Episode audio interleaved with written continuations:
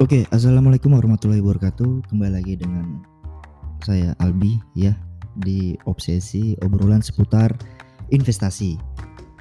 Jadi kali ini kita ingin membahas tentang keuangan lagi nih. Dua episode sebelumnya itu kan sempat ini ya, sempat bahas tentang investasi dan pasar modal gitu ya. Sekarang kita ingin bahas tentang yang namanya itu produk dari pasar modal itu sendiri. Apa itu? Ya, yaitu saham. Oke, jadi sebenarnya ya eh, saham itu merupakan salah satu instrumen nih pasar keuangan yang paling populer. Jadi semenjak COVID-19 ya pandemik ini di tahun 2020 saham itu udah mulai ini ya udah mulai tren gitu ya di kalangan anak muda ataupun milenial di zaman sekarang gitu. Kenapa? Mungkin orang udah mulai cari apa penghasilan tambahan atau misalnya ingin mencari income yang istilahnya dari online gitu ya. Jadi banyak nih saham yang di apa ya yang menjadikan saham itu alternatif uh, income gitu ya. Oke. Jadi sebenarnya sebelum kita mau bahas nih ya keuntungan, kerugian atau misalnya seluk beluk dari saham, kalian tahu nggak sih saham itu apa gitu ya? Jadi sebenarnya ya saham itu itu merupakan salah satu pilihan ya, bisa jadi pilihan pendanaan buat perusahaan nih. Jadi misalnya nih kalian semua nih memiliki suatu perusahaan dan kalian butuh dana nih, butuh dana yang mana dananya itu mungkin untuk perkembangan bisnis, ekspansi atau misalnya bayar likuiditas gitu, liability gitu ya. Jadi mungkin ya untuk kita dapatkan modal kita menerbitkan saham nih di Bursa Efek Indonesia. Tapi di sisi lain, saham merupakan instrumen investasi buat para investor atau calon investor yang ada di Indonesia gitu. Karena saham mampu memberikan tingkat keuntungan yang menarik Kenapa menarik? Karena mungkin ya, mungkin saham itu tingkat return itu imbal hasilnya ke kita tuh mungkin bisa melebihi dari instrumen-instrumen pasar modal atau keuangan lainnya yang ada di Indonesia gitu. Jadi sebenarnya saham itu ya jika kita sebagai investor ya saham itu bukti kepemilikan kita suat atas suatu perusahaan gitu. Misal nih eh, saham ABCD dia tuh nerbitin saham tuh dia nerbitin saham dia jual sahamnya ke publik.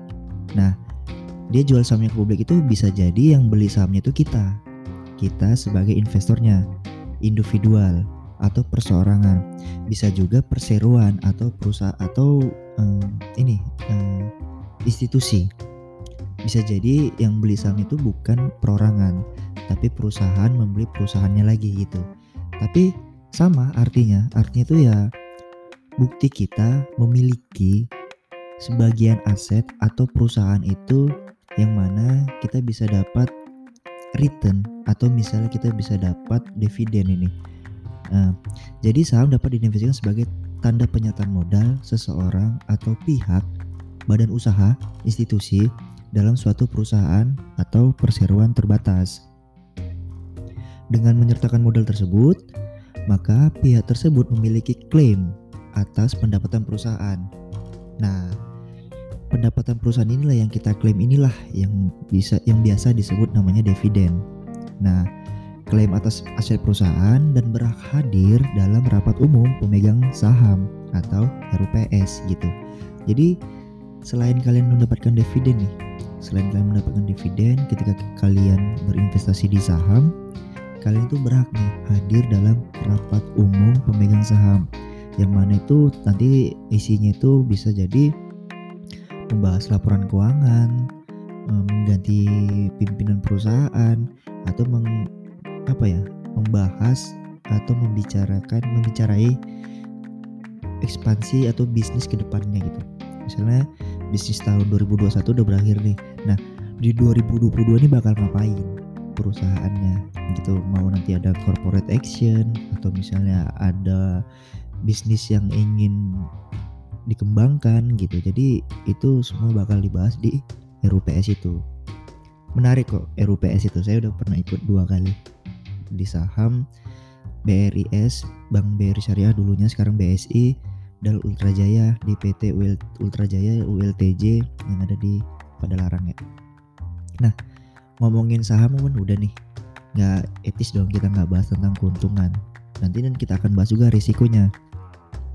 Jadi sebenarnya ya, keuntungan saham itu pada dasarnya ada dua keuntungan. Ada dua keuntungan yang diperoleh investor dengan membeli atau memiliki suatu saham. Yang pertama, ada dividen yang kita bahas tadi. Jadi dividen merupakan pembagian keuntungan yang diberikan perusahaan dan berasal dari keuntungan yang dihasilkan perusahaan. Jadi, dividen ini diberikan nih setelah mendapatkan persetujuan dari pemegang saham dalam RUPS. Jika seorang pemodal ingin mendapatkan dividen, maka pemodal tersebut harus memegang saham tersebut dalam kurun waktu yang relatif lama, yaitu hingga kepemilikan saham berada dalam periode di mana diakui sebagai pemegang saham yang berhak mendapatkan dividen. Jadi nih, ketika kita ingin mendapatkan dividen, ada namanya kumdet. Jadi ketika kita ingin mendapatkan dividennya, setidaknya kita di sebelum waktu kumdet itu eh, berakhir. Misal kumdet tanggal 10 Januari, ya setidaknya kita milikin sahamnya itu ya Desember lah. Jadi untuk apa ya mengamankan posisi kita untuk berhak mendapatkan dividen. Nah, dividen yang di bagian perusahaan tuh dapat berubah dividen tunai atau cash. Jadi nanti misalnya dividen tunai misalnya ya 50 rupiah per lembar. Nah, nanti kita bakal diakumulasi tuh kita punya berapa lembar. Misalnya 50 kita punya 1000 lembar, udah 50 dikali 1000 aja. Gitu. Nanti yang artinya kepada setiap pemegang saham itu diberikan dividen berupa uang tunai dalam jumlah rupiah tertentu untuk setiap saham. Atau dapat pula berupa dividen saham yang berarti ketika setiap pemegang saham diberikan dividen sejumlah saham sehingga jumlah saham yang dimiliki seorang pemodal akan di, akan bertambah dengan adanya pembagian dividen saham tersebut. Jadi yang pertama itu ada dividen tunai, berikutnya itu ada dividen saham. Dividen tunai kita di udah kita bahas dan dividen saham ini kita misal nih ternyata dividen itu dividen lembar saham. Otomatis di portofolio kita akan bertambah saham yang kita miliki nih. Jadi karena kita mendapatkan dividen saham, otomatis jumlah lembar saham di portofolio kita akan bertambah gitu. Yang berikutnya itu ada dari keuntungan saham itu adalah capital gain. Oke, capital gain ini mungkin sedikit bahasanya kan sedikit agak anak-anak ekonomi gitu ya. Nah, jadi sebenarnya gampang aja sih. Jadi capital gain itu yang merupakan selisih lah, selisih. Selisih harga jual dan harga beli. Jadi capital gain termasuk dengan adanya aktivitas perdagangan saham di pasar sekunder. Pasar sekunder itu biasanya yang kita lakukan setiap hari di online trading atau kita beli saham itu melalui perusahaan sekuritas itu di pasar sekunder. Contohnya apa nih? Contohnya itu ya investor membeli saham ABC ini dengan harga 3000 Oke, okay, 3000 ya. Nah, kemudian harga sahamnya naik nih 3500 gitu ya.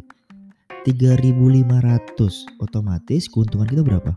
Ya 500 gitu ya per sahamnya. Yang mana berarti investor mendapatkan capital gain sebesar 500 karena dari 3000 kenaikannya 3500. 3000 itu modal kita, 500 itu keuntungan kita. Jadi mendapatkan capital gain sebesar 500 rupiah untuk setiap saham yang dijual gitu itu jadi uh, keuntungan dari uh, kita jika kita ingin memiliki suatu saham sebenarnya banyak keuntungannya keuntungan yang lain tuh ya kita bisa ikut RUPS kita bisa mengenal beberapa perusahaan gitu ya nambah pengetahuan jika ikut RUPS kita juga bisa mengenal nih beberapa pemimpin-pemimpin perusahaan gitu ya ya kan keren gitu ya kita bisa mengenal wih direktur itu kemarin saya tuh ikut RUPS gitu Oke, nggak etis juga nih kita ngomongin keuntungan, tapi kita nggak ngomongin risiko di saham. Yes, saham high risk high return. Jadi risiko tinggi, return juga tinggi. Riti, uh, risik, uh, return tinggi, risiko juga tinggi. Jadi ya ya apalah ya 50-50 lah ya. Jadi ketika kita ingin terjun di saham ya kita harus memulai apa ya memiliki modal gitu ya. Setidaknya kita modal pengetahuan nih Nah, selain modal pengetahuan, ilmu, terus juga kita ya punya modal dana gitu ya. Jadi kalau kita ingin investasi di saham ya kita harus punyai setidaknya modal ilmu juga nih. Modal ilmu modal dana ya modal mental kali ya tambahan gitu ya. Nah berikutnya itu kita akan membahas tentang risiko nih risiko di saham gitu ya. Nah sebagai instrumen investasi saham memiliki risiko nih. Apa aja ya? Nah yang pertama kebalikan dari capital gain yaitu capital loss. Yang pertama itu capital loss. Jadi merupakan kebalikan dari capital gain yaitu suatu kondisi di mana investor menjual saham lebih rendah dari harga beli. Contoh nih, contoh langsung contoh aja.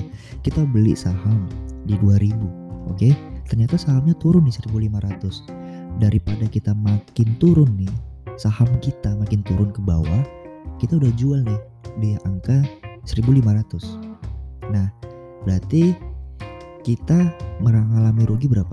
Iya, kita mengalami rugi 500 jadi ketika penurunan itu udah mencapai di harga itu ya karena takut harga sahamnya semakin turun kita paksa jual aja.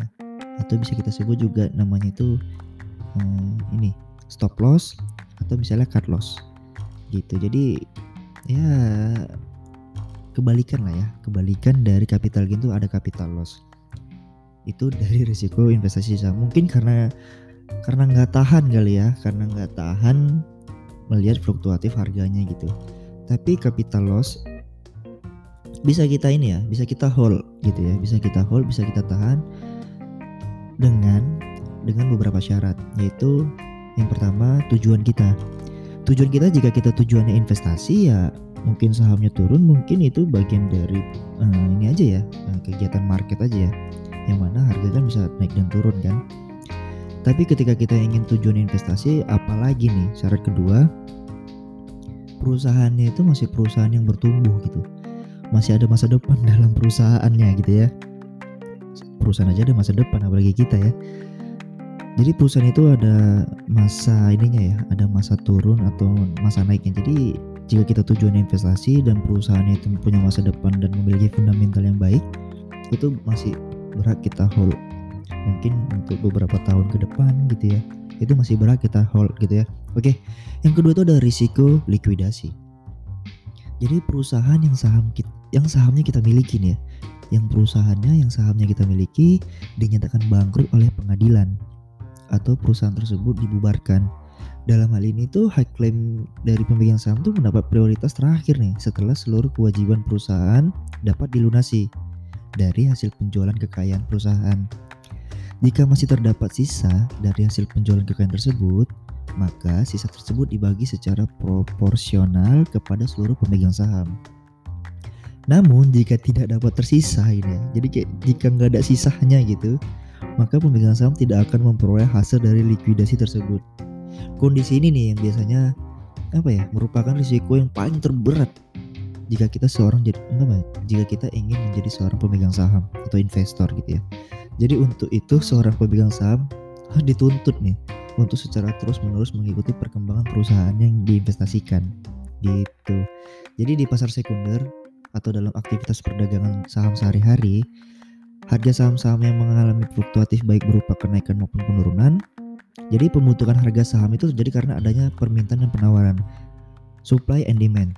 Jadi jika sahamnya itu semakin banyak apa ya, semakin banyak yang tertarik untuk dibeli, otomatis sahamnya bakal naik nih. Naik karena banyak yang beli nih banyak beli beli beli beli beli gitu ya. Namun ketika misalnya harga sahamnya turun berarti banyak yang jualan juga. Banyak yang jualan berarti banyak yang ingin jual sahamnya gitu. Nah supply demand tersebut tuh terjadi karena adanya banyak faktor nih.